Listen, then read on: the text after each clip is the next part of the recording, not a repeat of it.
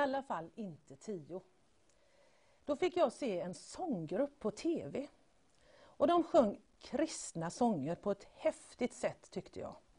Det var gitarr, det var elbas, det var trummor och det var glädje. Och jag var helt fascinerad när jag såg för allra första gången de här kläderna som de hade på sig.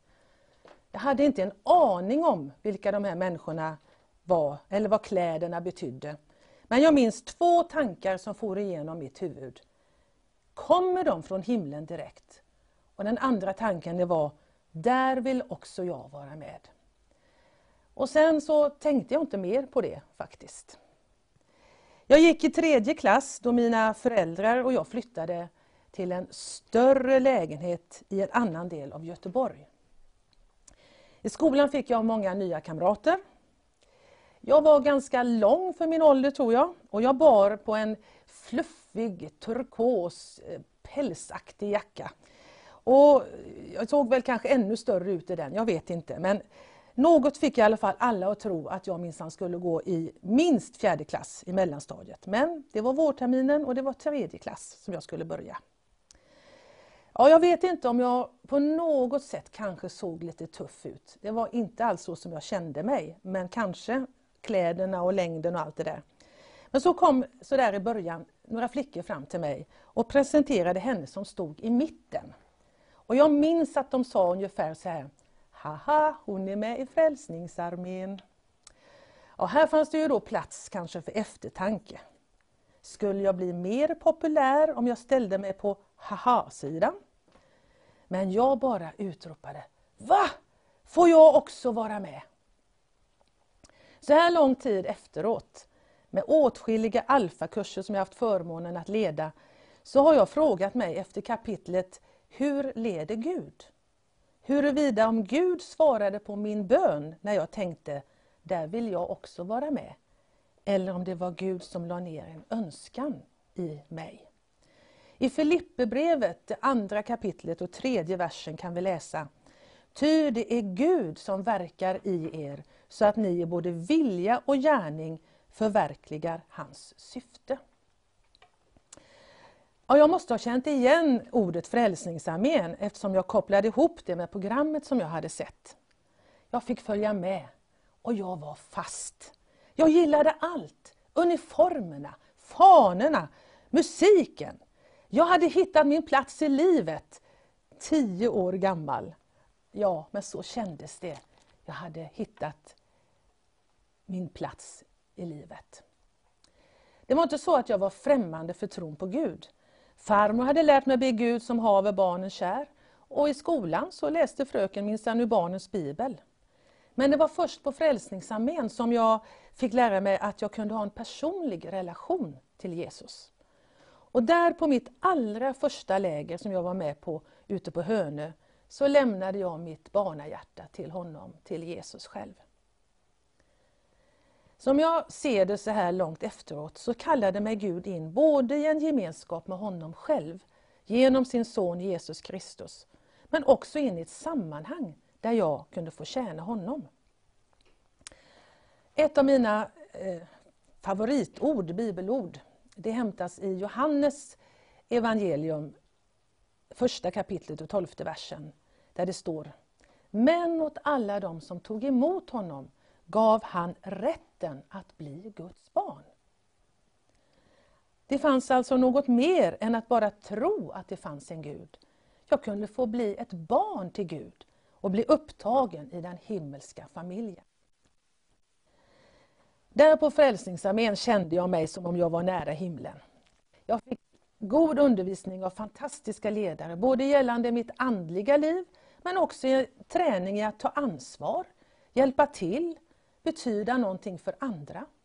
Vara en Jesu lärjunge som var villig att tjäna honom med de gåvor som han givit mig. Gud han kallar oss in i en gemenskap med honom.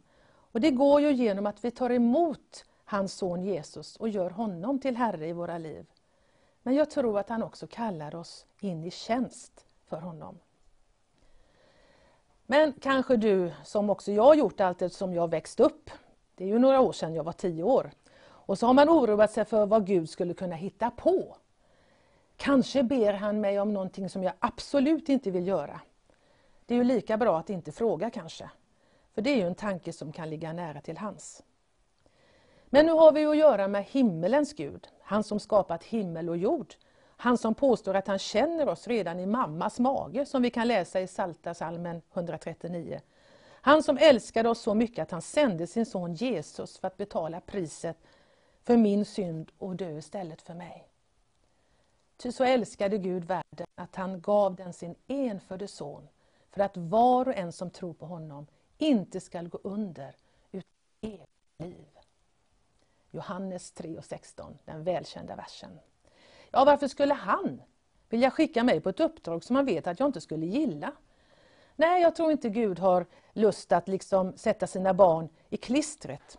Utan när du och jag känner en kallelse från honom så har han redan gjort allting klart. Så då kommer vi att känna en stark längtan efter att få tjäna honom på ett sätt som vi kanske innan inte riktigt kunde föreställa oss. Nå, hur var det nu då? Fick jag bönesvar? Eller lät, mig, eller lät Gud mig se det här programmet och la ner en längtan i mitt hjärta? Ja, det spelar ju faktiskt inte någon större roll. Det är bara så att tanken kommer ibland. Jag undrar. Men på Frälsningsarmén fick jag i alla fall en gedigen utbildning, bara genom att vara med. Gemenskapen i den kristna familjen är så dyrbar. Där samlas människor med kanske helt olika tycken och smak. Men det spelar absolut ingen roll, därför den gemensamma nämnaren är Jesus. Att hitta sin församling och att bli en del av den andliga kroppen, en byggsten i Guds kyrka här på jorden, är så viktigt. Och tro mig, som ändå är församlingsledare, att varje person är så betydelsefull. Tillsammans bygger vi ett team som bygger Guds rike här på jorden. Och det är minsann inte ett ensamvargsjobb, utan det behövs en hel armé. Och då menar inte jag bara Frälsningsarmén, utan hela den universella kristna kyrkan. Jag är också så tacksam till Smyrna kyrkans söndagsskola som fanns på det där området dit jag flyttade. Jag är tacksam för alla möten med kristna från alla möjliga olika kyrkor och olika sammanhang. Och tillsammans kan vi anta Jesu uppmaning som ges precis innan han lämnar jorden med sin himmelsfärd. Då han säger i Markus 16 och 15 Gå ut i hela världen och förkunna evangeliet för hela skapelsen. Vi vet inte alltid när vi sår ett frö som gror och växer till. De här personerna som med sina då, som jag tyckte, underliga kläder, med sin sång och musik som grep tag i mig, de har inte en aning om den där lilla tioåriga flickan som sedan genom Guds försyn gjorde att jag hittade hem till den plats som skulle bli min att tjäna Gud i. De har inte en aning om att många år senare svarade jag på Guds kallelse ja att bli officer i Frälsningsarmén. Gud använder oss utan att vi vet om det ibland. Och jag kan bara be en stilla bön i mitt hjärta att kanske också jag fått betyda något för någon så att Guds familj har fått växa. I en liten sång så sjunger vi Jag kan inte vad du kan och du kan inte vad jag kan. Men Gud har en uppgift som passar för dig och en annan som passar för mig. Min bön för dig som lyssnar ikväll, det är att du ska ha funnit vännen Jesus och att du har vågat ge ditt allt till honom.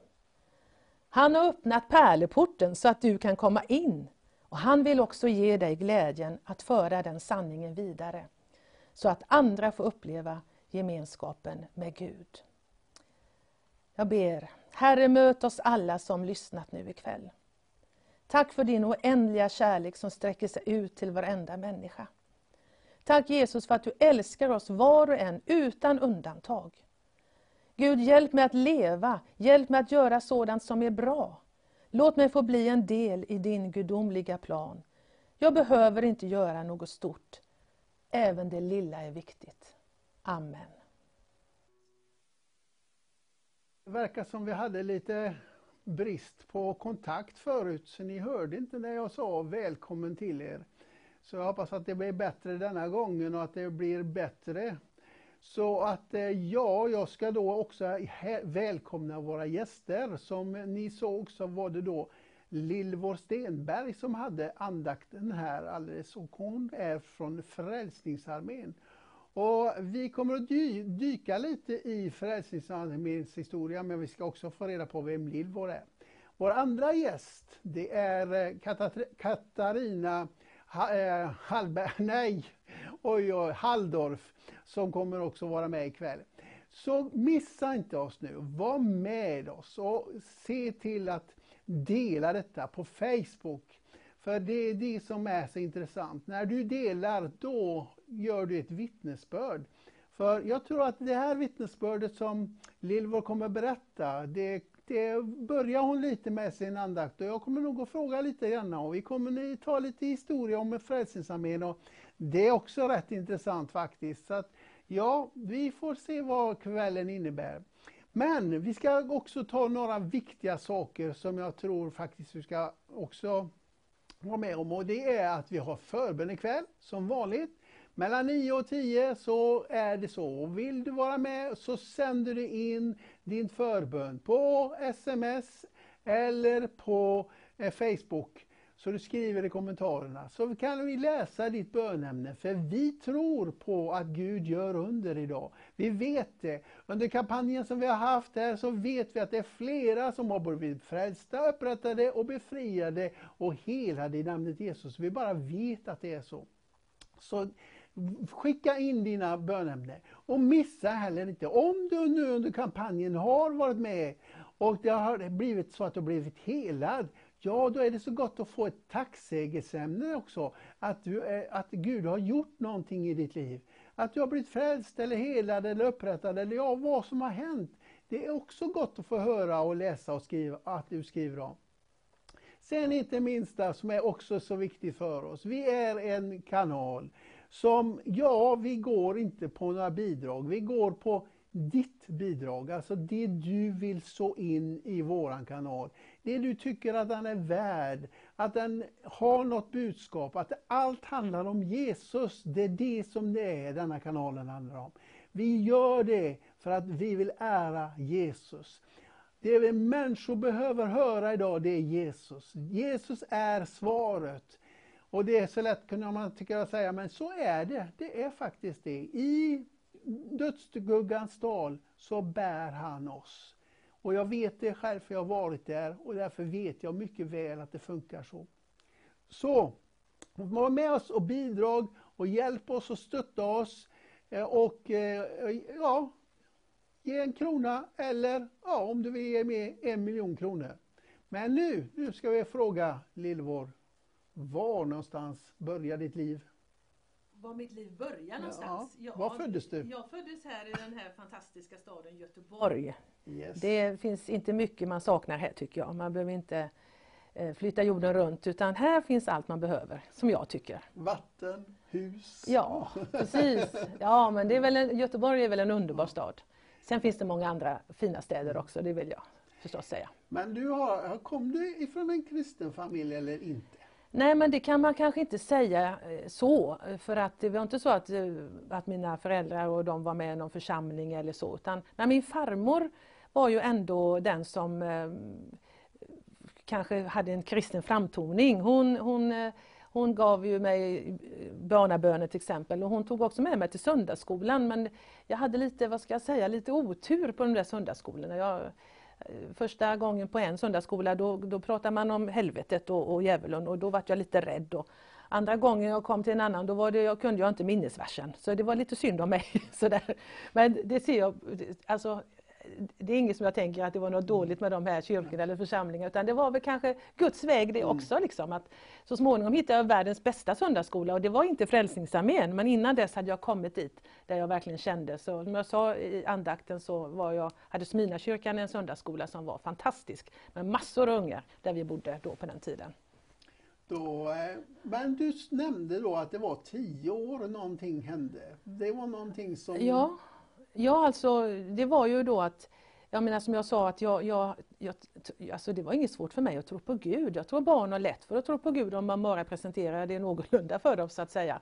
Men just det här att, att man faktiskt skulle kunna ha en personlig relation med Gud. Att det var nödvändigt att be Jesus om förlåtelse för sina synder, så lite man var. Så, alltså det var på fullaste allvar verkligen. Så att jag, jag ser det som min frälsnings, mitt frälsningsmöte där ute på Hönökåren, längst bort till höger på botbänken som vi säger i Frälsningsarmén. Och tant Marta som var eh, ledare frågade mig om jag ville ge mitt liv till Jesus. Och det var inget tvång och det var ingenting utan jag kände verkligen att jag ville det. Och, och upplevde också på något sätt att det, det skedde någonting inne i mig. Liksom. Så att eh, det är, några, det är några år sedan kan man ja, säga. Det förstår ja, jag att det ja. är några år sedan. Men ja. det är intressant, du sa att det är på, på, på Hönö, på Frälsningsarmén där. Och mm. Var det någon kår härifrån då som åkte från Göteborg ut dit eller var det någonting som... Eller alltså var det var hela, som vi sa, hela divisionens läger.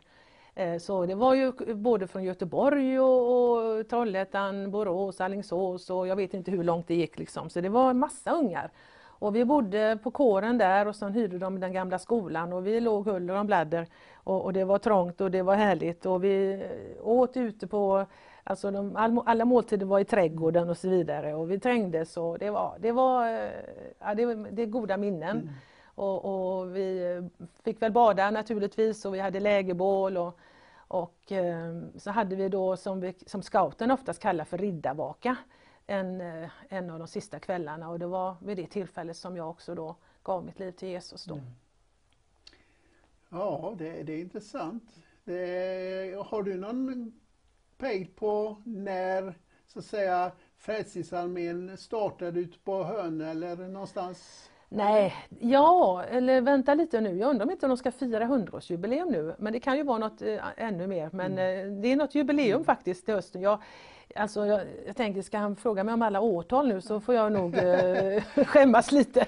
För det kan jag inte. Jag vet att den kåren mm. som jag är med på, vi firade 50 år förra året. Men då vet jag att folk, som, när vi fyllde 40 år så, så som, nej, sa de liksom, det, det, det, det, det har funnits, funnits mycket längre. Och det är så att andra kåren har ju funnits i hundra, hur många år det nu är liksom.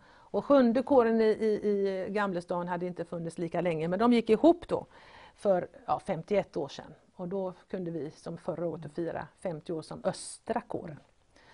Men om vi då går tillbaka lite i historik då eh, i ditt eget liv först och främst. Eh, när då nu du var 10 år och, och du hade varit, vad fortsatte ditt, din andliga sökande? Var sen tog, vad blir nästa så att säga stolpe i ditt liv där du kände att nu söker jag in kanske på någon skårskola eller nu vill jag göra mm. det? Alltså grejen var ju att Många utav mina eh, kamrater, de som kanske var några år äldre än mig, de sökte in på officersskolan.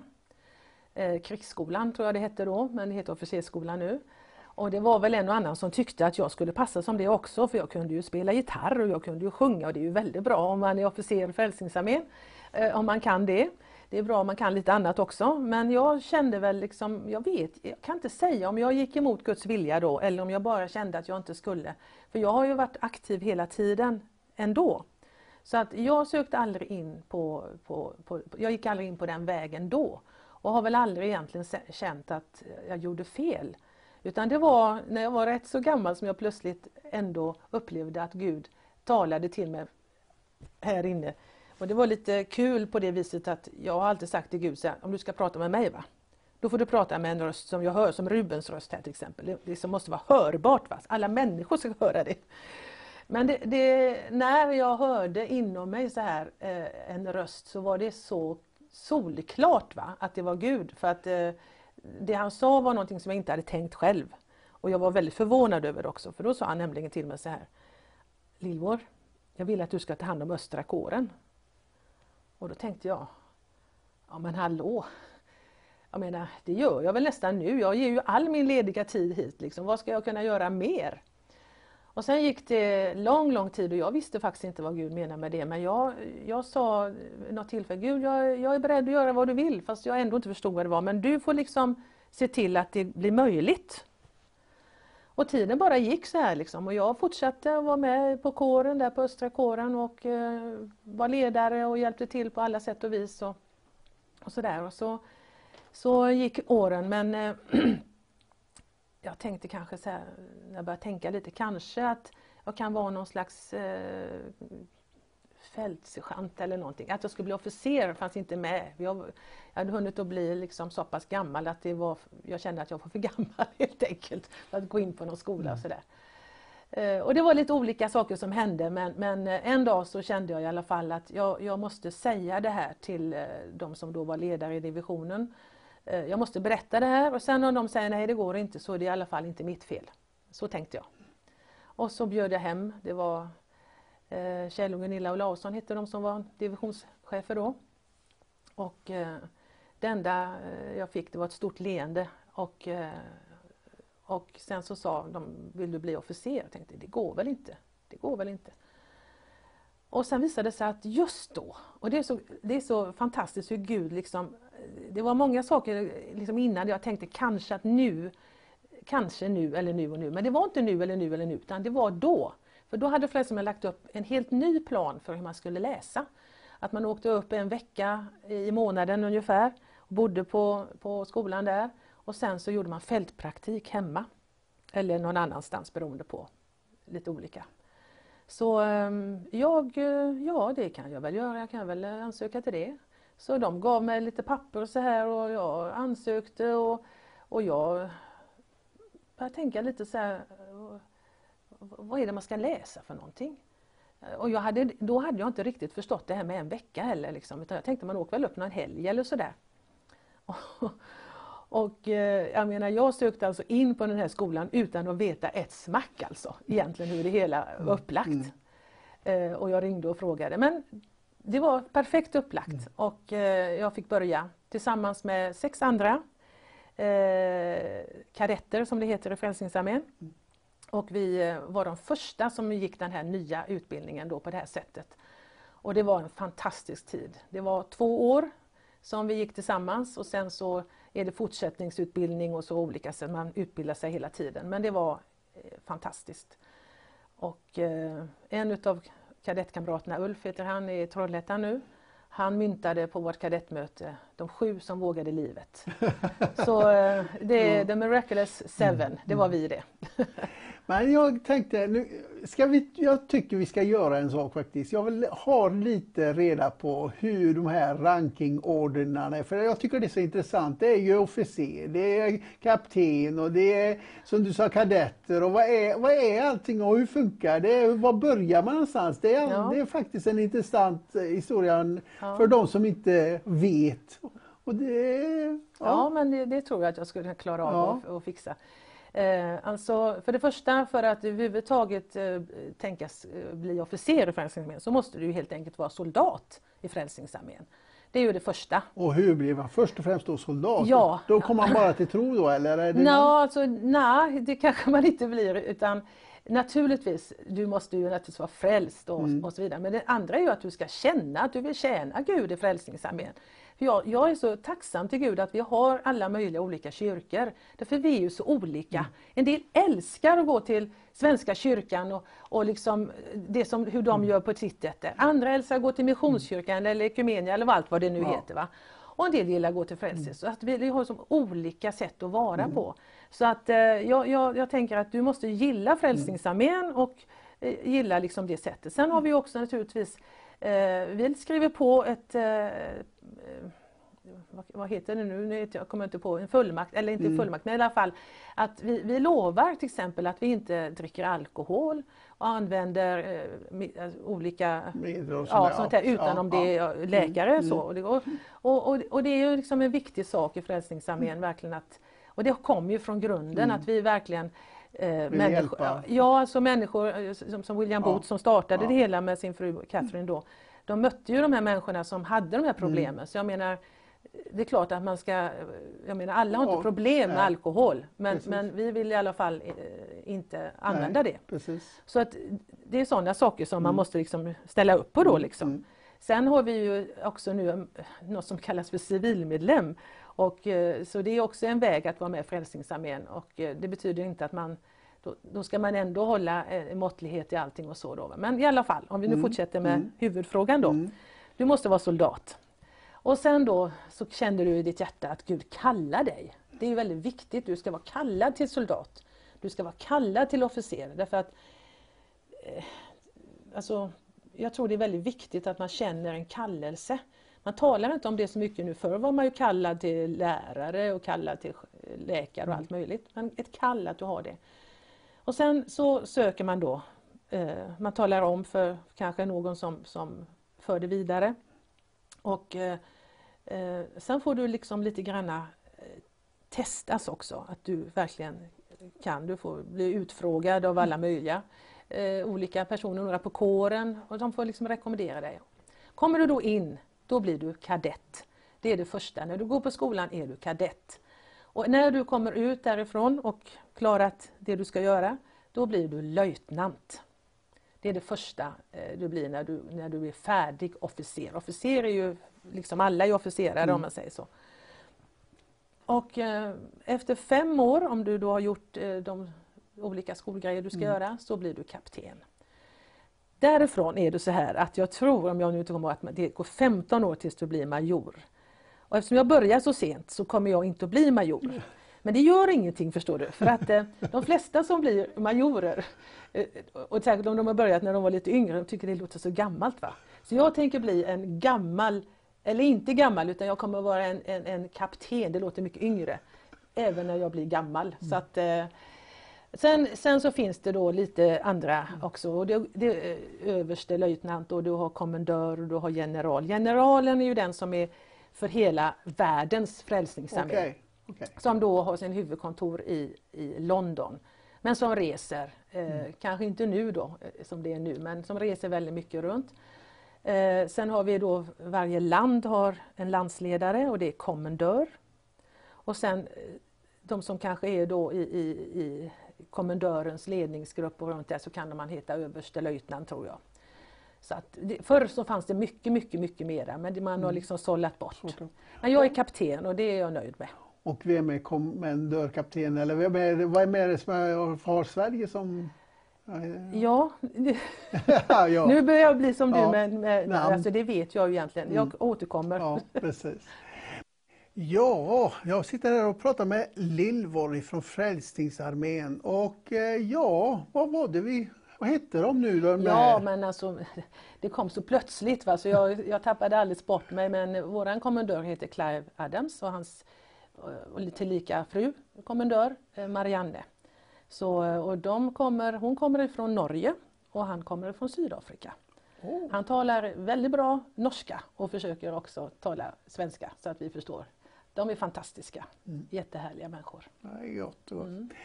Ja, du, om vi då tar lite grann och funderar på din församling eller din där, kår. kår som det ja, heter. Ja, ja precis. Det. Vad gör ni på Östra kåren till exempel? Ja, vi är en, kanske en liten eh, lagom stor församling. En kår, det är väldigt fint med det, kår, det vet du vad det betyder va? Att det kommer från ordet corpus, kropp, att vi är en kropp. Liksom. Ah. Därför kallar vi våra kyrkor för kår. Eh, och eh, vi får ofta höra att man känner sig väldigt hemma när man kommer dit och det är, ju, är man ju glad för. För det vill man ju att folk ska känna sig hemma när man kommer till, till sin plats i livet. Kår eller kyrka, vad det nu än heter. Eh, vi har våra gudstjänster på söndagar på förmiddagen och på kvällen har vi något som vi kallar för fyrbåksmöte. Och det fanns en fyrbokskår eh, för ett tag sedan, för några år sedan. Och eh, den låg oftast i anslutning till någon av våra boenden, Nylösegården som ligger inte så långt härifrån där vi sitter nu och Lilla Bommen nere i stan. Där människor som kanske har lite problem med missbruk och sånt, hade lätt att liksom komma in. Nu flyttades den här till våran kår och eh, vi har en kvällsmöte där man kan kalla det för lite gemenskapsmöte också. Där vi mitt i mötet bjuder på kaffe och smörgåsar och ser till att alla känner sig mätta och glada när de går därifrån. Och så naturligtvis sång, musik och andlig spis. Sen jobbar vi med socialt arbete och jag måste säga att jag är väldigt glad över vårt sociala arbete. För precis när jag skulle bli officer och bli färdig så, så fick vi nya direktiv, liksom att varje kår måste ha ett socialt arbete. Och eftersom vi har väldigt fina sociala arbeten här i Göteborg, i de andra kårerna, så kände man ju att vi ska inte göra samma sak, utan vi måste göra någonting annat. Och då var det någon som kom till mig och frågade om vi kunde starta det som så småningom blev, som vi kallar för Jesaja 58 eh, från Bibeln där vi, det talas om att, att ge den hungrige mat och den som utan kläder ska få kläder och tak över huvudet och allt så här. Och eh, det stora arbetet var ute på Sagåsen där människor kommer först när de söker asyl här i Sverige. Och då fanns det inte mycket för dem att göra där ute. Utan eh, vi fick låna ett rum och varje gång vi kom fick vi plocka fram lite grejer och så vidare.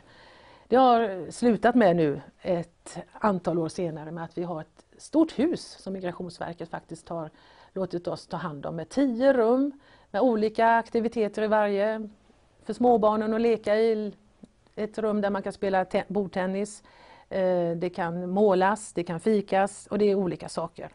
Och eh, det har vuxit det här arbetet tack vare eh, Anke Thunman som jobbar hos oss då. Och hon har engagerat inte både bara oss utan många andra kyrkor och ja, Rädda Barnen och sådana här som, som på något sätt vill hjälpa till. För det här huset är bara öppet när vi så kallade volontärer är där. Det är, det är ingen från Migrationsverket som öppnar eller är där. Och det är härligt att se liksom, att barnen och ungdomarna och även de vuxna kan få eh, en stund avkoppling genom att ja, de vuxna får se barnen få leka, de kan sitta ner och fika och vi får prata med dem så gott vi kan då. Det är ju lite olika språk som kommer. Så att ibland är det ju verkligen bara eh, med händer och fötter och armar och ben och så, teckenspråk. Ja, visst. Precis. Och sen efter några år så, så, så blev vi introducerade i någonting som kallades för FFA Global och det är Fotboll for all, alltså fotboll för alla. Och det där lät ju väldigt spännande och eh, det startade vi med eh, och har då i början eh, satsat mest på de ensamkommande flyktinggrabbarna för det var de som vi mötte då. Och det har vuxit och vi har stor kontakt med, med ett 40-50-tal ungdomar varav kanske 20-30 kommer på träningarna nu. En del är ju involverade i skola och börjar jobba och så här men vi har kontakten. Och vi har fått vara med att stötta och hjälpa till eh, på många olika sätt. Några har kunnat upplåta sina hem för några som har behövt att bo och vi har kunnat hjälpa andra att kanske genom kontakter eh, ja, hjälpa ungdomarna då. Så att vi har varit, fått vara stöd för dem och så vidare då. Och eh, jag har blivit eh, en riktig fotbollsmorsa faktiskt. Jag, jag begrep mig inte på det här med fotboll innan. Jag, jag tyckte det var så långt emellan målen. Liksom. Jag menar, ska man springa liksom så långt? Jag menar ishockey är det ju lite snabbare puckar om man säger så. Va? Men jag, när jag, för jag gick upp till mm. fotbollsplan och för jag tänkte jag måste koppla ihop dem med kåren, med, med oss liksom. Och eh, kände mig nästan lite dum liksom i början när jag presenterade mig själv och sa jag är ert största fan, ni ska veta det. Liksom, för att det, jag menar, jag visste ju att det var ju liksom lite grann tack vare att jag och kåren hade sagt ja till det här som det blev. Och sen var jag där uppe och jag hämtade bollar och så här när de sparkade lite för långt och så här. Och, eh, då kunde jag se liksom, att det här med, det är säkert bra med andra sporter mm. också, men jag såg hur fotbollen var en, en, en, en, källa till att lära sig både att umgås med varandra, Precis. för det kom ju folk från alla möjliga mm. olika länder. Liksom. Och här gäller det att hålla sams. Liksom. Mm. Ska man liksom kunna vinna en match då kan man ju inte mm. vara osams i laget. Nej, och alla regler gäller även om, om, om man säger om det är så i högsta ligan eller om det är nere på gräsrotsnivå. För, för att det kommer ju riktiga domare och, när vi har matcher och mm. sånt där. Och vi hade en vänskapsmatch med, med folkhögskolan i Gällö, alltså Frälsningsarméns folkhögskola i Norge. De kom ner med ett gäng och så skulle spela fotboll med oss då. Och en av killarna fick rött kort och, och, han åkte ju ut liksom. Han fick mm. inte vara med, han fick inte vara på planen ens en gång. Och vi tyckte men det är ju bara på skoj liksom. Nej det är inte på skoj. Och det är klart, eh, ibland kan man väl tycka att det behöver inte vara så hårt eller sådär men samtidigt, ja, men det finns regler mm. som man måste följa. Och, eh, I den här FFA eh, så är det också att man har life class. Så det är inte bara fotboll utan det handlar också om att tala om, eh, i det här fallet kanske om, om vad som är rätt och fel och använda fotbollen eh, och, och, och liksom som mm. ett medel då. Mm. Så vi har ganska så stort arbete på gång. Alltså. Och vi går också ut i Jesaja då i den, här, den delen eh, varje måndagkväll eh, är några ute och, och träffar då både Mm. ungdomar och andra på stan. Vi bjuder på macka och, Mm. och, och bulle och kaffe och te. Och eh, Henrik Philipsson som jobbar speciellt med detta och med flera. Men man märker när man är med honom, jag har följt med honom lite grann ibland så här att eh, de ser honom på långt håll. Och så kommer de farandes liksom och eh, vi får kontakter. Och vi jobbar på, på ja, alltså att eh, vinna på, på, på att liksom, eh, ja vi får ta tid på oss ibland så att säga. Men det är så, jag tycker det är så häftigt, det är ju egentligen era or- uniformer som man förstår att Frälsningsarmén är farten. Mm. Är det obligatoriskt idag att ni kör det eller kör ni någon typ annan när ni Ja. har gatuorganisation Ja. eller vad ni gör? Ja det gör vi, det är Ja. inte som förr riktigt. Då var det ju uniform i alla lägen liksom. Jag menar det, det, då, då hade officerarna nästan inga andra kläder. Så att eh, en del barn till officerare de kändes ju lite grann när mamma och pappa kom till skolan i full uniform. Nej vi har fältuniform kallar vi det för. Och det är ju olika kläder med vårat, eh, våran sköld då, Frälsningsarméskölden. Och, eh, och det är ju praktiskt då när vi är ute på gatan, då har vi västar på oss där det också den här Frälsningsarméskölden syns på ryggen och det står Salvation Army Church eh, på den. Så att eh, vi använder lite olika. Eh, så att, och, och, och uniformen är ju kanske eh, ja, mera en eh, jag ska inte säga att det är en söndagsklädsel men, men jag tycker det är väldigt bra med uniform därför jag behöver aldrig fundera på vad jag ska ta på mig när jag går till kyrkan. Va? Det är fullständigt eh, enkelt, det är bara att ta på sig uniformen och så går man. Eh, Men det är inte så att man eh, liksom någon står vid dörren och säger liksom jaha, du är soldat och du har ingen uniform på dig, gå hem med dig. Utan Man får Ja. komma som man är. man får komma som man man är, är. ja. Det, det soldatskapet sitter ju inte i uniformen. Men det är klart att ibland så, så kan folk säga liksom för eftersom jag har en del civilmedlemmar då, då har de ute uniform. Och när vi har varit ute och sjungit kanske på olika ställen så säger Vad har ni uniformerna? Liksom. Så att, eh, ja, men jag har den i alla fall. Ja, men det är ju, det är ju just det att det är för att folk är så vana att se att, man, att ni har det. Mm. Det är ju liksom en, en, ett varumärke egentligen för er. Ja, ja. Det, det är ju så mycket som är vunnet med det. Du behöver ju inte förklara någonting. Jag menar, jag vet, eh, jag hade hund för eh, några år sedan. Och det hände ju på söndag morgon att man skulle gå ut med den hunden innan man skulle gå på möte. Och jag menar, där kom man ju då, eh, oftast uniformen syntes väl på ett eller annat sätt och, och, och då hände det ju att folk kom och, och ville liksom prata med mig eh, och kanske var ledsen för någon hade dött eller, eller vad det nu kunde vara. Och det var ju för att de visste ju redan att hon borde veta lite om det här. Ja. Liksom. Så det är mycket vunnet med det. Så att, ja. Men vi, vi kan bara gå tillbaka till det. Jag tycker det var så bra när du sa det här med att lära sig just det här med eh, att lära sig regler. Ja. Och jag har tänkt många gånger på det att om du ställer en polis i bara kalsongerna, ursäkta att jag säger Ja, så, men ja. det är ju ingen som bryr sig om det. Nej, då undrar Nej, man ja. vad som har hänt. Och då är det ju liksom, då är det ju ett regler och det är ju samma om, om alla kör mot rött ljus då blir det ju en krock.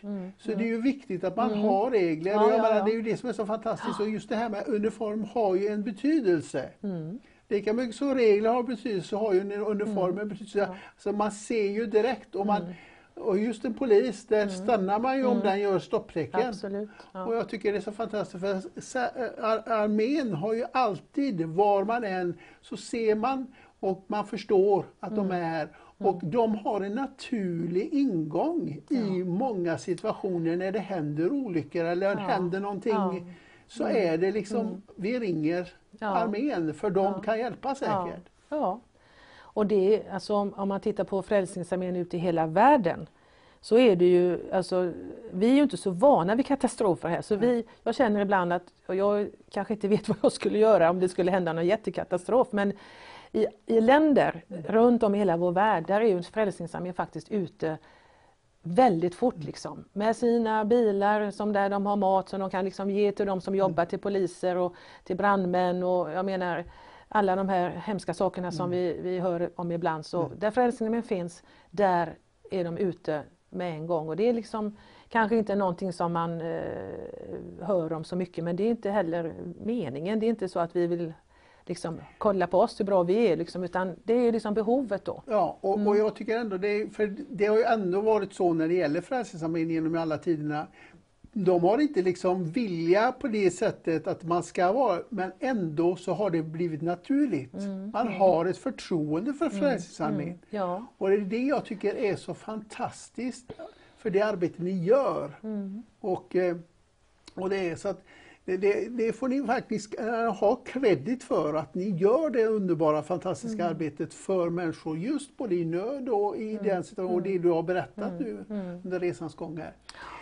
Eh, jag vill faktiskt göra så här ifrån Vision, Vision Sveriges sida, tacka för att vi fick använda er kårslokaler under vår eh, kampanj nu i Göteborg så fick vi faktiskt använda Lillvors eh, eh, eh.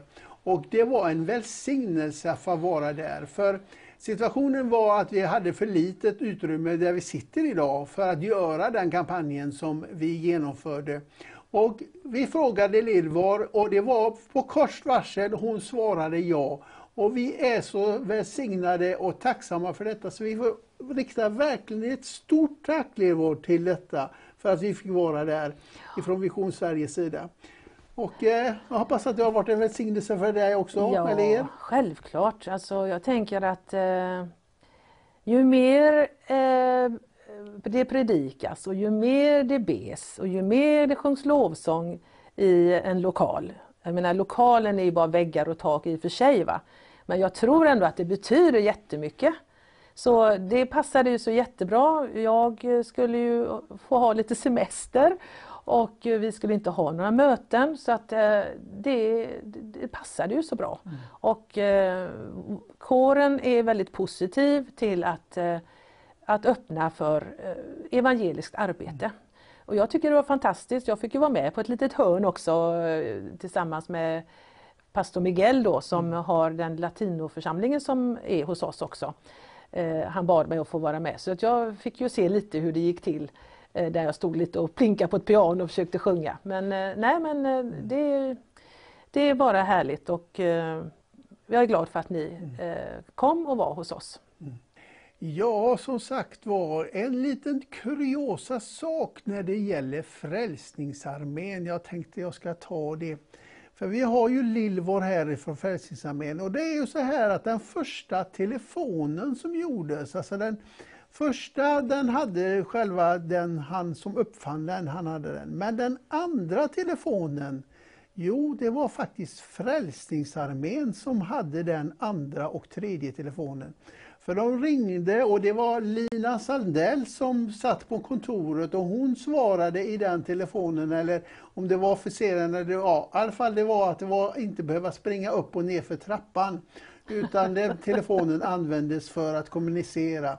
Så jag tycker det är en liten kurio- kuriosa sak. Och om man tänker idag vad mo- mobiltelefonen och denna utveckling som är vad det är och, och om man tänker ifrån den första telefonen. Men Lillvår, tillbaka till där vi var, vad, vad vi nu pratar om. Ja, skulle jag säga. vi nämnde i början, du sa om det här att skriva på egentligen. Ja. Och du sa någonting som jag tyckte var intressant. Att när du skriver på det här pappret så Ja. ska du vara... Ja, alltså när jag blev officer så, så skriver jag under någonting, jag, jag kommer bara inte på vad det heter just nu, men jag kommer ihåg vad det står bland annat. Att jag ska, lovar att vara vän med den som ingen vän har. Och det är ju en ganska ja, häftig grej egentligen och det är kanske inte alltid man lyckas. Men så är det att, att eh, vi ska se till, till alla och eh, ibland så kanske vi möter just de här människorna som, som har det lite extra svårt och, och eh, som har lätt att falla mellan stolarna både i, i- kanske i kyrkliga sammanhang men också i samhället. Och därför så, så har vi som uppgift att försöka att hjälpa och stödja eh, dessa människor så mycket som vi någonsin kan. Så det, det är en uppgift Mm. också bland allt annat. Det, jag förstår det. Ja, det är så. Jag, jag får säga, jag beundrar som sagt var Frälsningsarmén. Jag, jag, jag har gjort det i alla tider och jag har läst mycket historia om det också faktiskt. Och, och, alltså, det är så fascinerande att se och det finns ju många intressanta historier också om det som vi skulle kunna kanske tänka en hel timme till vad som har hänt inom Frälsningsarmén. Men Jag, eh, vi, vi låter det vara där och låter ni som tittare få forska i det för det är många roliga, intressanta, spännande historier som Frälsningsarmén under alla år som det har varit. Jag tror det var 1865, ja, 1865 som Frälsningsarmén började i London eller i, i, i, i East End i London. East End i London. Ja. Där, ja. ja. Och, eh, så att jag tror att eh, ja, det är någonting att bita i om du vill ha något intressant att, att läsa ikväll. Eh, det, du kan ju börja och googla på det i alla fall. Ja, Lillvår, jag vill tacka okay. för eh, en god stund med dig. Mm. Och tacka som sagt för att vi fick vara hos er. Ja.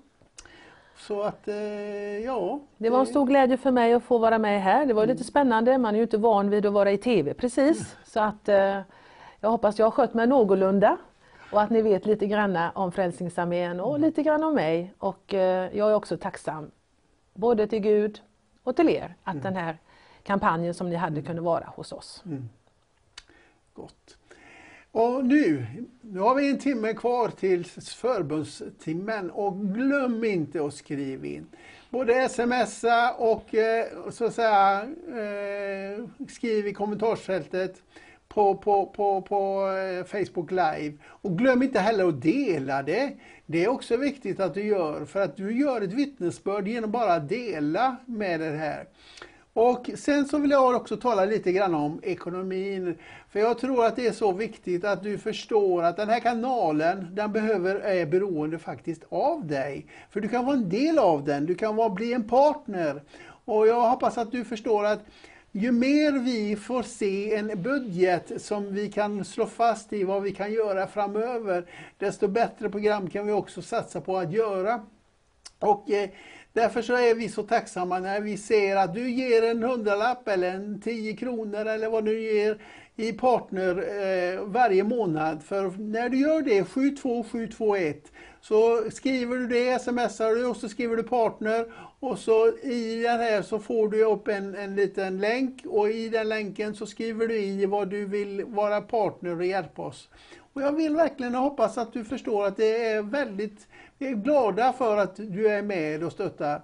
Och jag tror vi har närmare nu är uppe i eh, 300 000 som vi har fått in i, i juli månad här. Eller jag menar under juli månad in i augusti månad här. Och eh, vi behöver alltså en miljon kronor nu.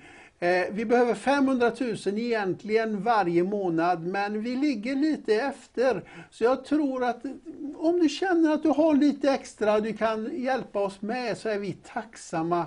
Vi, vi är så tacksamma, även om du bara ger en krona, men så är vi så tacksamma. För det är så att det handlar om Jesus. Allt handlar om Jesus.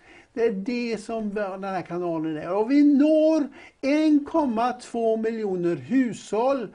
Vi är närmare ungefär mellan 150 och 200 000 som kan se oss på, eh, på kanal digital och via satt. Så att, ja, tänk på det när du liksom, ah, det skulle jag vilja hjälpa med. Så vi är så tacksamma, vi tror och det står ger du så, få, ger du så du får, ger du så och ber du och ser du. Det är en slogan som jag har. Ge, be och se. Så var det det var. Jag snubblar på mina ord idag. Så ja, då är vi tillbaka igen. Och nu har jag fått en ny gäst in i studion här och det är Katarina Halldorf. Jag har lite svårt med Katrin och Karina och jag vet inte allt, men det är Katarina Allor. Välkommen! Tack så mycket! Eh, ja, vem är Katarina Alldorf? Ja, det var en sån liten lätt fråga att svara på ja. snabbt. Jag är 52 år och trebarnsmamma. Eh, själv med mina barn sedan några år. Men jag är också utbildad pastor, pluggat teologi ganska länge. Ehm, känt Guds kallelse på mitt liv i många år. Ehm, sen har jag väl gått mer åt att, att vara resande förkunnare och väldigt mycket profetisk inriktning kan man säga. Mm. När bestämde du att nu ska jag vara kristen? När fanns det där avgörande i ditt liv? När, Ja, när- precis. Alltså jag kan ju känna att det har varit flera punkter under ens vandring så, när Gud har gripit in eller gjort någonting. Eh, men det började faktiskt när jag var sex år. Eh, eller det började säkert innan, men då, eh, jag är missionärsbarn. Och då kommer jag ihåg faktiskt att jag kom till mamma i Afrika och bad henne att be för mig att Jesus skulle komma in i mitt, mitt hjärta och förlåta mig synd. Eh, Jag vet inte om jag hade gjort så allvarliga saker då, men jag hade en förståelse och det var på riktigt för mig. Det började på riktigt där, någonting. Ja, det är intressant. Jag hade faktiskt samma upplevelse. Jag var också Mm. faktiskt sex år, men det är en, he- det är en helt annan historia. när du nu fortsätter vidare Mm. och när du kände liksom att nu, nu, nu, nu är det någonting som kallar mig. Mm. Men fanns det någonstans tvivel under resans gång? För du sa ju att det fanns ett antal punkter där Mm. du kände att nej, men var, var landar vi någonstans? Ja, när jag var 13 år så blev jag andedöpt, som vi pingstvänner säger. Eh, och det var ju också en sån här milstolpe för mig, att få också del av bönespråket genom anden. Eh, sen eh, när jag växte upp så kanske det var lite det här att det drog lite med världen och man ville pröva lite kanske att leva lite utanför ibland.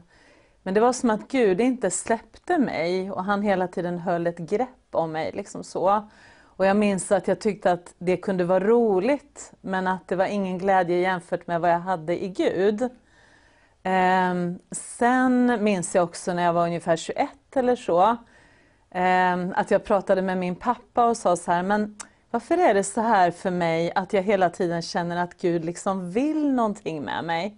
Det är ju inte så för alla mina vänner, de får liksom välja fritt. Och då minns jag att pappa bara sa sådär, ja men det är bara så för en del av oss, sa han sådär. Eh, men jag har liksom alltid känt det här att Gud vill någonting med mig liksom och varit med och så här. Mm. Du som nu tittar på detta och hör vad hon, vad, vad Kata, Kat, Karin, Katarina. Katarina säger. Och, och det är faktiskt intressant. Det är faktiskt så att vi, och även jag känner likadant. Man känner en sån där sak, ett kall i sig. Det är någonting som drar, någonting man vill Precis. göra. Och du, nu har du möjlighet ikväll att göra ditt beslut, ditt val. Du kan till och med bli frälst, du kan bli troende, du kan bli andedöpt, du kan bli, ja du kan få faktiskt göra en gudsupplevelse ikväll. Amen. Så sista timmen när vi har nu förbönen, så, så, så skriv in. Och även det här med tacksägelse, om Gud har gjort någonting i ditt liv. Som människor, alltså man blir så uppmuntrad av att höra att Gud gör det. Ja. Men Gud kallar dig ikväll, speciellt ikväll så kallar han dig. Han har en längtan att ha, umgås med dig. Det är faktiskt Gud som söker, står det. Han söker. Och så länge man låter sig finnas, då så söker Gud. Så det, det är så viktigt att Halleluja. du förstår att du har en möjlighet ikväll att göra det. Ja, då går vi tillbaka.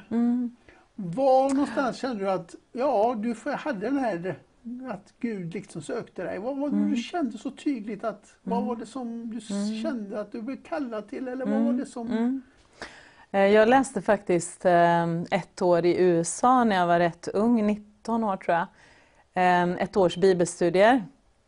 Och jag kommer ihåg att samma dag som jag var klar och kom tillbaka från den här graduation, liksom, ceremonin, så minns jag att Herren bara sa så här, du är kallad att predika.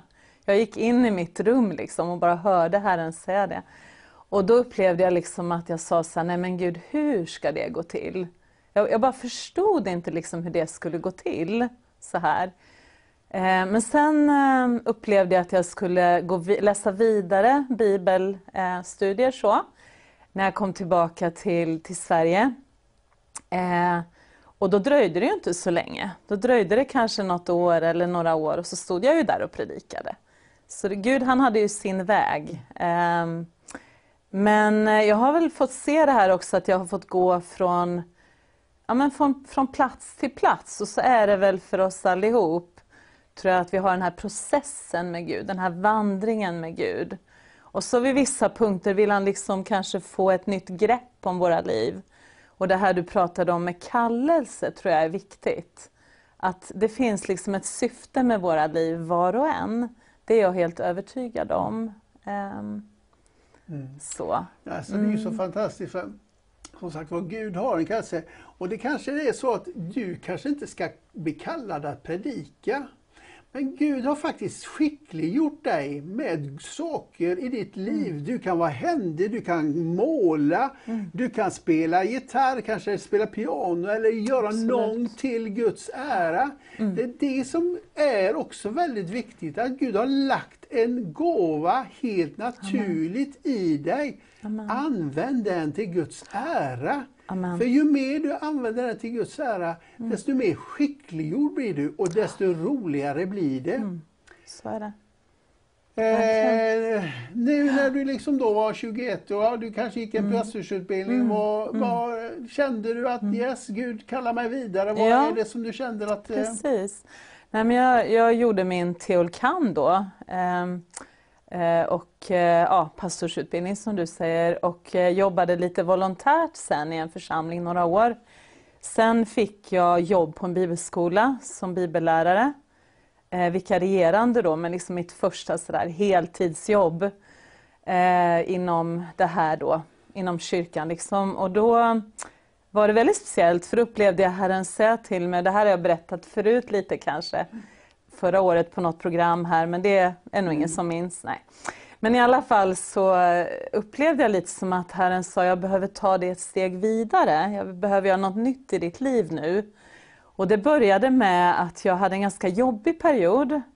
Eh, jag var ungefär 26-27 vid den här tiden. Och eh, det började med att jag sökte Gud otroligt intensivt. Jag fick en ny hunger efter Gud kan man säga.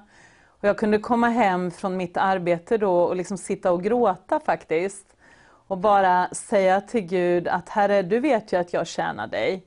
Men om inte jag får vara med om det här som jag läser om i Apostlagärningarna, att människor faktiskt blir förvandlade när jag undervisar, då vet jag inte hur jag ska stå ut. Jag kände liksom att jag kunde förmedla kunskap, men jag tyckte inte att det räckte då. Eh, och Gud också började dra i mig liksom i att ja, det var små saker som blev stora där jag kände att jag behövde omvända mig och kanske be någon om förlåtelse för något de inte kom ihåg och så här. Eh, men det var ett väldigt djupt verk han gjorde i mitt liv där och det var också väldigt jobbigt. Jag, eh, det kändes liksom som en press, en väldigt stark press så här. Eh, och efter flera månader av det här faktiskt så i Stockholm där jag bodde då så ringde en vän till mig och frågade om jag ville komma och be med henne och några, ett par andra tjejer som också jobbade i församling. Ehm, och vi satt oss och bad och eh, då var det som att Gud slog ner i mitt liv. Och den helige Ande kom över mig på ett starkare sätt än jag har varit med om innan. Och det märktes utåt väldigt starkt. Det hände väldigt mycket med min kropp och jag skrattade och grät och skakade som det kan bli när man mm. blir berörd av Guds kraft. Mm. Men det starka var vad, vad Gud gjorde inuti och det är det som har varit bestående. Och det är ju den här att jag fick en kärlek till Jesus som var helt ny. Mm. Nu pratar jag lite länge men du får ju avbryta mig. Men jag, jag, jag upplevde liksom hur jag fick gå från att vara en, en plikttrogen kristen, en duktig kristen, till att lägga ner det, lägga ner min prestige och få börja om med Gud. Jag fick börja om att följa eh, på ett helt nytt sätt. Mm. Liksom. Och det blev, blev väldigt spännande tyckte jag att vara kristen efter det. Det blev väldigt levande, väldigt på riktigt. Mm. Det är gott att du säger för att jag känner det här att jag tror det, det är faktiskt lite så här att det är någon som sitter hemma som känner detta, som har detta, som är berörd just nu, mm. detta som är. Du behöver ha ett gudsmöte och Gud håller på och söker dig väldigt starkt. Amen. Amen. Och eh, Så du ska faktiskt bara ta emot det som, som Katarina, Katarina säger här. För det är så, så viktigt att du får tag på det här. Amen. Och eh, ja, fortsätter vidare. Ja, och jag tänker när du säger det här, det har ju inte att göra med att jag är speciell på något sätt. Utan det här är mer att Gud rörde vid mig och så kan det se olika ut för oss när vi upplever Gud. Men det inre verket tror jag är detsamma. Det här att han väcker oss till liv och att han ger oss den här kärleken. Det står ju att kärleken är en gåva från Gud till oss. Och Det var som att han gav mig det här, att bli förälskad i Jesus på nytt. Liksom. Och passionerad. Och eh, att uppleva att det, att det var så roligt och spännande att vara kristen. Att det inte längre handlade om någonting jag var tvungen att göra eller borde göra. Utan det handlade mer om att börja följa honom på ett äventyr. Och det tror jag är någonting som är väldigt eh, som, är, som är angeläget för Gud för var och en. Och det är någonting jag verkligen är övertygad om att alla kan få uppleva det. Ehm, och att Gud längtar efter att röra vid oss så här. Mm. Där, där hänger du med igen. Där är det så att när Gud börjar röra i oss, våra hjärtan, så känner jag liksom att det, det är det som Gud gör just nu i ditt hjärta. Amen. Han rör riktigt om. Mm. Och kärleken, det är faktiskt sant som hon säger, för att jag är också ett typiskt vittnesbörd på detta. Att när Gud fått mött mig så har kärleken till Jesus helt förändrat. Det är inte att jag vill vara så att säga, en kristen på ytan, utan det finns ett djup i det. Och det är det som du kan få vara med om, ett djup. Ett djup som inte går att förklara, det bara finns där. Amen. Amen. Ja, vad, vad, eh, när du nu kom dit här och du kände liksom att Gud, nu har du börjat bearbeta mig och vad är det? Du får också, eh, jag tror att jag får också en väldigt stor kärlek till människor, precis Ja. som Jesus har. Ja, Alltså att man ser absolut. människor på ett helt annat sätt. Ja. Man, även om de har fel och brister som vi, även vi Mm. har och de gör det emot en, så kan man även förlåta Amen.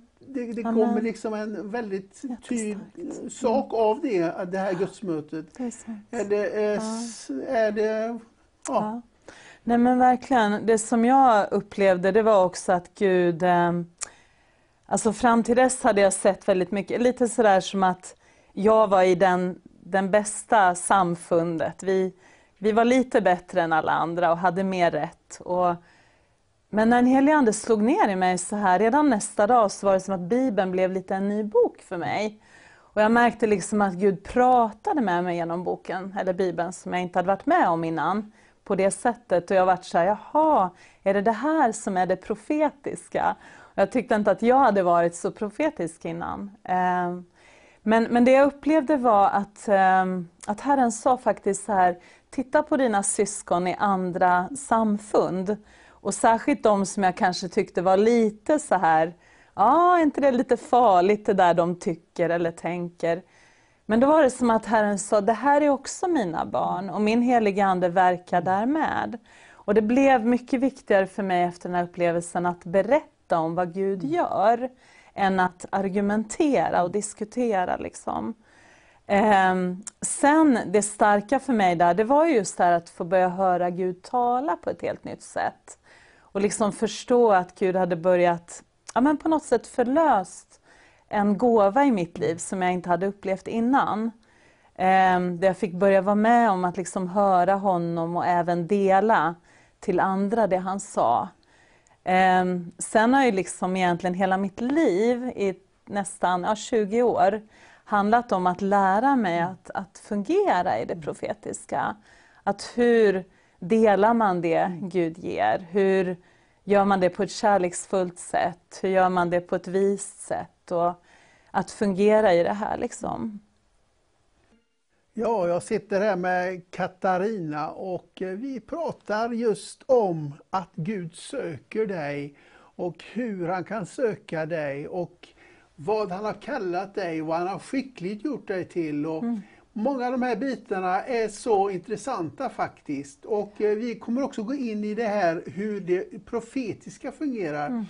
Eh, för egentligen när det gäller det profetiska så är det också viktigt att det är ense med bibelordet Mm. när man talar om det profetiska. Eh, Katarina, vad, ja, vad Mm. tänker vi mer om detta? Vad, vad landar vi i? Ja.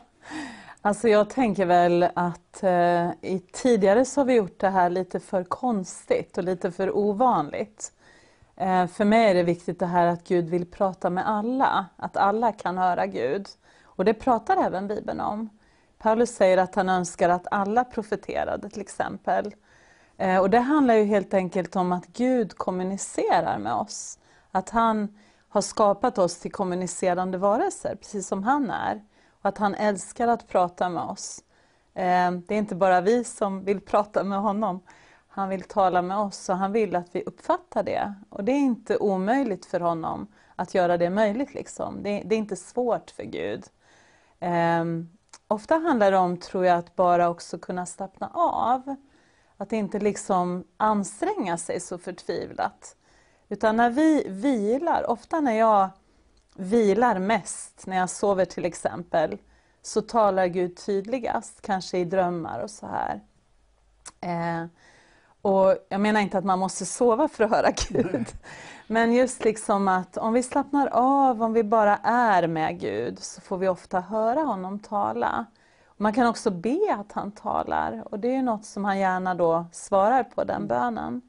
Sen kan man vara lite rädd, ja men är det verkligen Gud jag hör? Och det är klart att vi behöver pröva som du säger.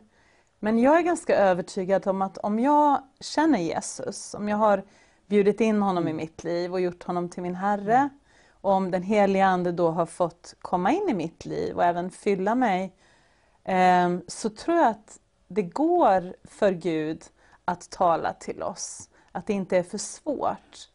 Eh, och att jag då ofta kan lita på, när jag har bett den här bönen, Tala till mig Gud, låt mig få höra dig tydligare. Då kan jag ofta lita på att det är Gud jag hör. Sen behöver vi också pröva det, precis som du säger, efter ordet. Och det som vi hör eh, från Gud, det är ju aldrig tvärt emot hans ord. Nej. Och jag brukar tänka att det alltid upphöjer Jesus. Att det är någonting som alltid lyfter upp Jesus. så här.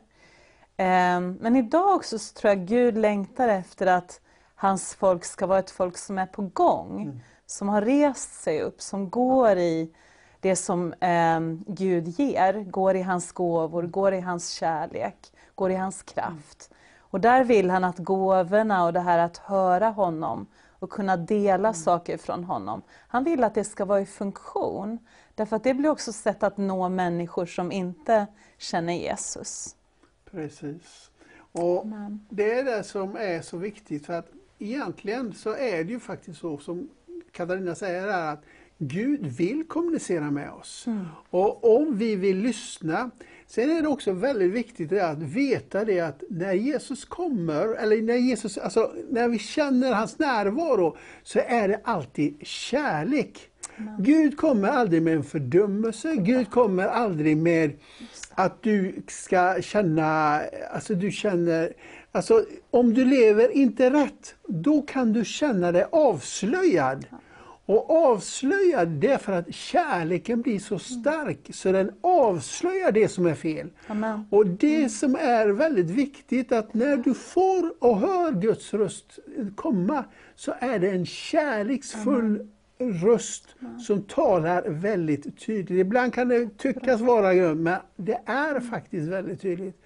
Och ber du den återupprepa sig, så som Samuel gjorde i Bibeln, att han lärde sig rösten, det var genom att han sa gång på gång att, så att han fick lära sig att det var Guds röst. Tillbaka igen, Katarina. Katarina. Okej, du säger att du hör Guds röst och du känner igen, börjar känna igen det då. Känner du verkligen, du, och du känner den här ja, ömheten och glädjen och det här. Eh, kan du liksom göra så att folk förstår ännu mer hur det funkar? Ja. Så att du Alltså man, ja men Mm. precis, man kan ju undra hur hör jag Gud så här? Eh, och det kan man göra på så otroligt många olika sätt. Jag tänker att Gud talar på väldigt många olika sätt. Han kan tala genom naturligtvis Bibeln och det är ju våran grund. Mm. Den har han ju en gång för alla talat genom, men han kan också göra bibelord levande ju som vi säger. Sen tänker jag att han talar genom naturen, genom världen. Han kan tala genom mina barn. Han kan tala genom en sång. Och han talar inte alltid bara genom det som är religiöst eller kristet. Jag kan höra en sång på radion och så kan jag höra en helig ande tala till mig. Det står i Bibeln att hela jorden är Herrens. Mm. Det står också att om inte vi prisade så skulle han kunna få stenarna att prisa honom. Och jag tror liksom att eh, Gud vill tala mycket.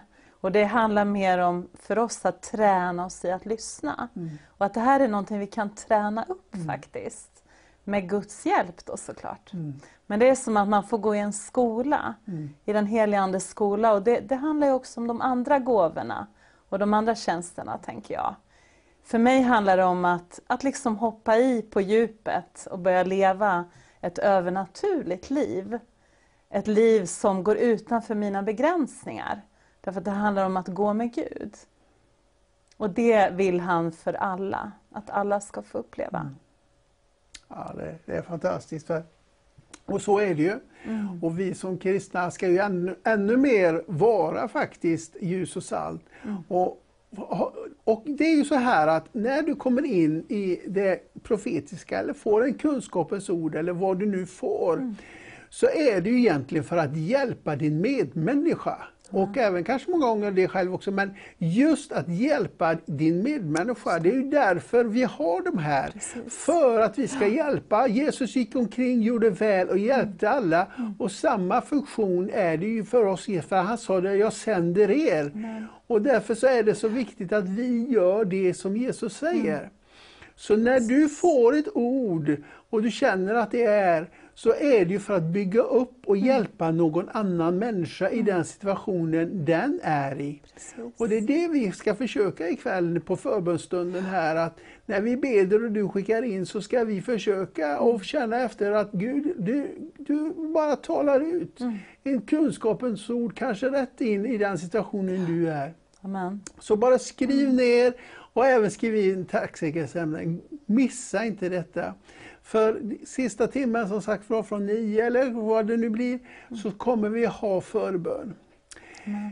Ja, vad tror du om eh, det här att så att säga, profetiska, du säger att vi ska, vi ska använda det mer och vad, mm. ja, mm. vad landar vi i mer tycker du? Att vi ska mm ta, i, ta, tala om, eller ta, ta i det här. Vad ska vi ta upp mer? Ja. ja. det här tänker jag att man kan säga hur mycket som mm. helst om egentligen. Och det handlar också om, som jag nämnde lite om innan, hur jag förmedlar. Mm. Jag tänker att som du sa, vi får saker av Gud, ofta för att ge till andra. Eh, och då är det ju viktigt att man gör det ödmjukt och kärleksfullt. Att man kanske inte kommer ovanifrån, eh, utan liksom ger saker på en öppen hand. Att man ger människor frihet att pröva. Ehm, men, men just det här att det blir en möjlighet, tror jag, många gånger för oss att, att få känna att Gud älskar oss. Det, det profetiska fungerar ju ofta som du säger med kunskapens ord och det kan liksom gå rätt in. Det kan förmedla något som kan ta väldigt länge annars att kunna förmedla. Så det tycker jag är så fantastiskt med det här och väldigt roligt. Det är väldigt, väldigt roligt. Ja, um, just som du säger, det är väldigt mm, roligt för mm, man ser ju hur man kan komma med något mm. som gör att en hel människas liv ja. bara blir förvandlat så fullständigt. Och de ställer mm. frågan, hur kunde du veta det? Ja. det och, du, och egentligen, vi vet ju inte det, Nej. men Gud vet ju det. Ja. Men vi säger ju att vi vill ju hjälpa och vi har sagt Gud, ja, hjälp oss att hjälpa. Mm. Det är det här som är så fantastiskt, att han väljer att använda oss han väljer på ett sätt att vara beroende av oss. För att han väljer att, att samarbeta med oss. Mm. Han vill göra det här genom oss. Han hade ju kunnat göra det ändå, tänker jag. Men han väljer att han behöver oss. Han vill göra det genom oss. Nå människor och breda ut sitt, sitt goda, underbara rike på jorden genom oss. Mm. Och det är ett så otroligt privilegium. Jag är så tacksam att bara få vara med. Liksom. Det gör mig glad varje dag. Även om man ska ju inte liksom låtsas att det alltid är enkelt. Och jag har gått igenom ganska många tuffa saker i mitt liv. Jag har ett barn med Downs syndrom och det var en stor sak när vi fick honom. Och det är utmanande att leva med mm. ibland. Ehm, jag har blivit lämnad mm. av min man, mm. så jag är ensam med mina barn sedan sju år. Eller vi har ju delad vårdnad, men jag är ensamstående förälder. Och jag har varit med om andra tuffa mm. saker också, olyckor och gått igenom liksom svårigheter så här. Men, så det handlar ju inte om att man får ett liv där det är fråntaget än. Vi lever ju under den här mm. världens villkor mm. på något sätt. Men just det här att Gud är alltid med oss i det. Mm. Han är alltid med oss mm. vad vi än möter. Mm. Och jag tänker det kanske också är speciellt till någon som lyssnar ikväll. Mm. Jag bara upplever när jag säger det att det finns flera, tror jag, eller kanske många som just nu upplever att livet är tufft. Att det är jobbiga omständigheter. Det kan ju vara att du har råkat ut för just det här med Corona. Mm. Den här sjukdomen som eh, ju har spridit sig så. Det kan vara att du har varit med om någonting annat svårt. Du kanske kämpar just nu.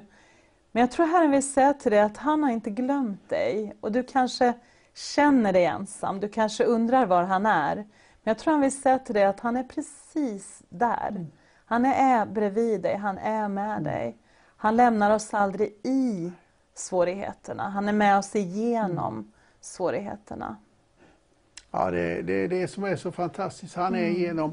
Och jag har en, en väldigt rolig historia, för det var en gammal dam en gång i tiden som kom till sin pastor och så sa hon det att ja, du skulle veta vad pastorn jag vet vad jag har gått igenom. Och då svarar pastorn ja, jag är glad att du har gått igenom det. Och då får man ju liksom tänka efter, vad är det han säger? Just det att han har sagt, du går igenom det, har gått mm. igenom det. Alltså när du har gått igenom det så vet du på andra sidan, men du har också blivit så att du har blivit stärkt i din mm. tro. Precis. Faktum är att många gånger när vi får gå igenom de här sakerna så ställer vi oss frågan varför. Mm. Alla många gånger ställer sig frågan varför. Jag kan säga att svaret är mycket enkelt.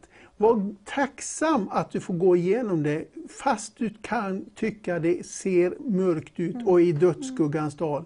För när du har gått igenom detta, så kan du faktiskt hjälpa så många andra och berätta precis, ja jag gjorde detta, jag gick igenom detta, jag fick uppleva detta. Men Herren bar mig rakt igenom detta fast jag inte förstod det. Så gjorde han det. Så kommer jag och förstå att nu är det så att vi har en liten stund kvar till förbönstimmen. Så skriv in på Facebook, missa inte detta. Stöd oss och hjälp oss i kanalen. Och, och, förstå att vi vill, det handlar om Jesus alltihopa det här. Och så ska vi ta en liten sång här och, och, och, köra. Och så ska vi fortsätta in här nu i det profetiska och tala lite om tiderna som är på gång och vad det är som händer i världen och varför och lite grann så här.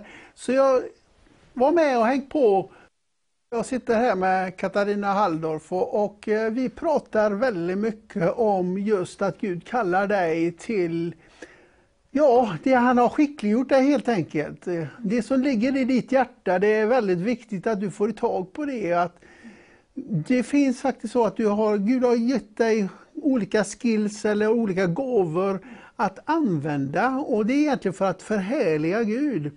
Men vi pratar också mycket om det här med profetiska och vi ska gå in i en stund nu innan vi går in i förbundsstunden där vi kommer att prata lite om tiden och tiden och det profetiska i tiden, vad som är på gång och vad vi kan vara för någonting. Så var, häng med och förstå och fundera lite. Och jag säger som jag alltid gör, pröva det också. Ja, vad tror vi om det? Vad mm. säger vi om detta? Mm. Alltså jag tänker väl framförallt på hur det är just nu. Mm. Tiden vi lever i är ju väldigt olik eh, tiden som har varit på något mm. sätt. Ingenting är som det har varit just nu, eller hur? Det, det har liksom kastats omkull väldigt mycket världsläget, eller hur? Mm. Och jag tänker att Gud vet om det och är involverad i det. Oh, oh ja. Det är inte han som skickar sådana här Nej. saker, det oh, tror inte jag. Men jag tror att han kan vända till och med sådana yes. här stora omständigheter till någonting gott. Ehm, det jag tror att han har gjort och gör under den här tiden mycket, jag tror han skakar om, faktiskt skakar om församlingen. Oh ja. Jag tror att han förändrar sin församling väldigt mycket i den här tiden. Och det handlar mycket om att man, man måste komma tillbaka till vad det verkligen handlar om, tror jag. Vi blir avskalade, det här yttre. Vi kan inte kanske gå till våran fina kyrka. Det är underbart, det är inget fel i det. Men vi kan inte göra det vi brukar för att så att säga liksom hålla uppe allting. Och det blir som att han att det blir lite mer, det går på djupet, att han får komma och liksom fråga hur är det egentligen med vår relation eller hur är det egentligen med ditt liv och hur har du det egentligen med mig? Att vi får börja om lite grann, både som individer men också som församling tror jag. Och ställa oss inför de här frågorna, vad är egentligen viktigt? Och i USA nu så är det till exempel en ganska stor lovsångsrörelse med en som heter Sean Foyt, där han har fått som en kallelse att, att vara utomhus och leda stora lovsångssamlingar runt om i städer över hela USA. Och han har fått se människor bli frälsta och vilja döpa sig spontant. Och Gud gör mycket där. Och han sa det liksom att kyrkan har lämnat byggnaden. Och någonstans kanske det är där Gud vill ha oss. Inte så att vi inte ska fortsätta mötas i våra byggnader. Men att det får bli, Gud har gjort någonting med oss där det kanske blir mer på riktigt eller där vi måste välja. Vill vi gå med det här eller inte? Det blir mer liksom allvarligt eller på riktigt så. Ehm, jag tror också faktiskt att det finns någonting av att vi behöver vända om. Jag tror att Gud har pratat med mig väldigt mycket om det den här tiden, om att, att förmedla det budskapet på något sätt. Ehm, jag är ingen sån här omvändelseprofet, jag är ganska snäll liksom som person. Men Herren har pratat med mig och lagt det här på mitt hjärta. Förra sommaren så sa han faktiskt på ett möte jag var på, så sa han till mig att han ville att jag skulle gå ut i vårt land och säga till hans folk att böja sina knän. Ehm, och jag tror att det är den utmaningen han ger oss idag. Att komma tillbaka till vår första kärlek. Att söka hans ansikte. Att vända oss om. Vi, vi har en, ett, en möjlighet att vända oss just nu. Liksom bort från det som är mellan oss och honom. Det kan vara större grejer men det behöver inte vara stora saker.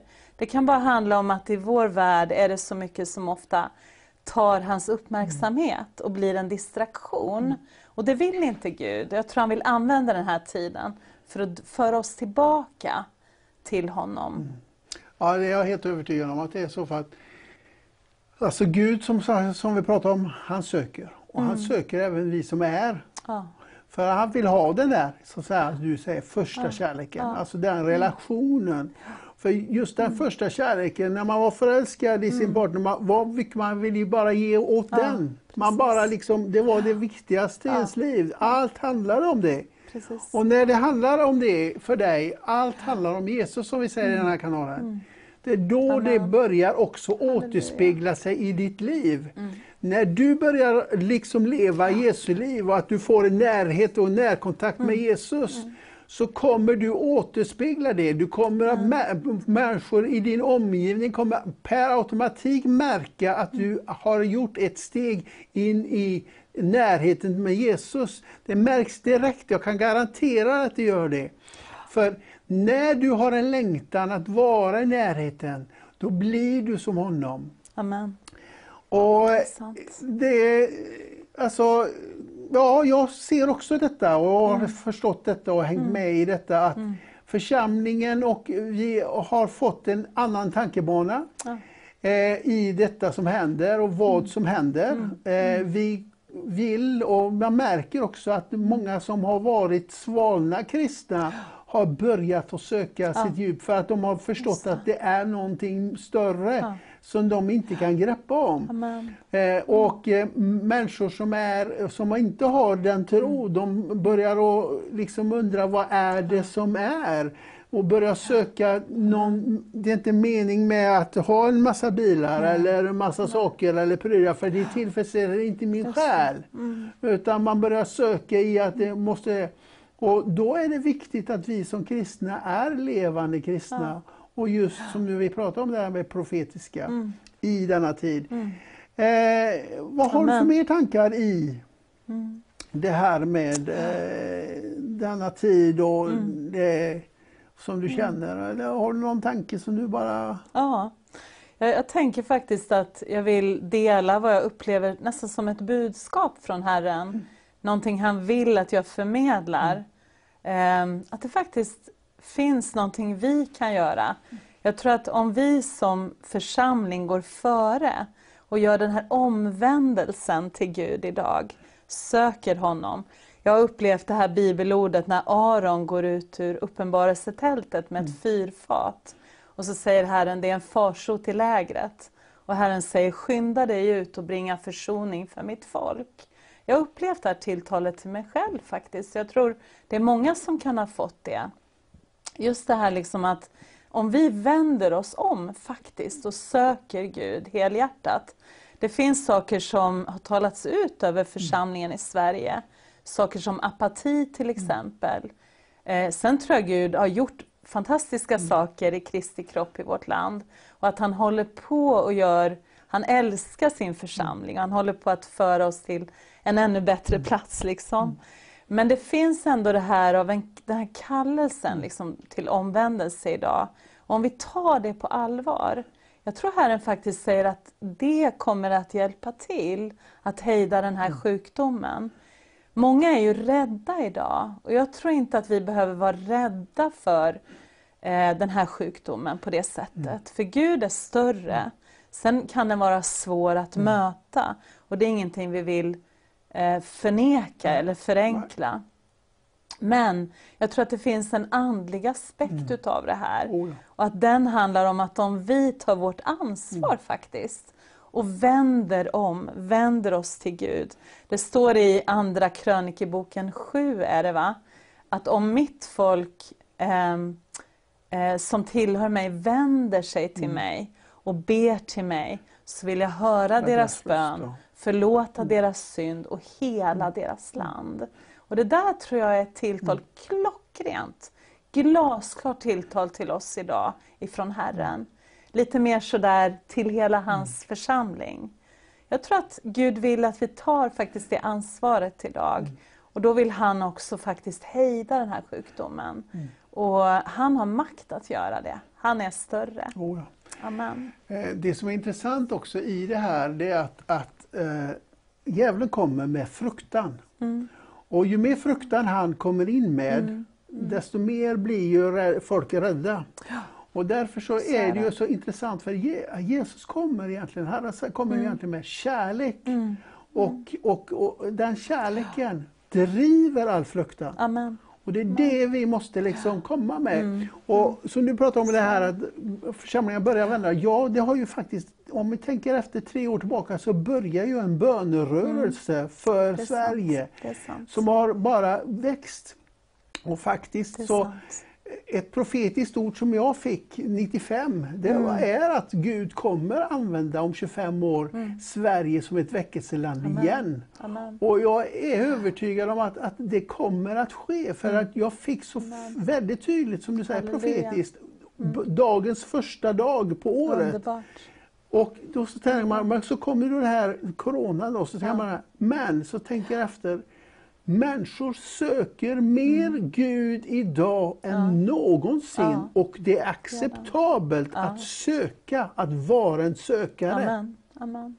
Så därför är det så viktigt att vi i den här tiden blir med i det profetiska Mm. Och att göra de, det profetiska som är i handlingen. Och vara.